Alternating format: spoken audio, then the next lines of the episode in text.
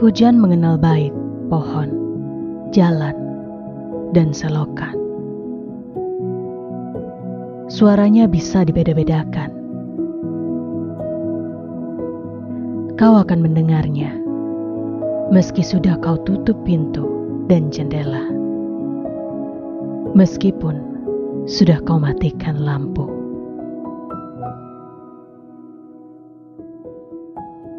Hujan yang tahu benar membeda-bedakan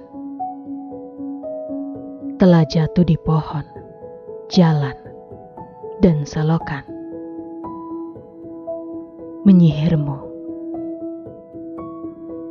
agar sama sekali tak sempat mengadu waktu menangkap wahyu yang harus kau rahasiakan.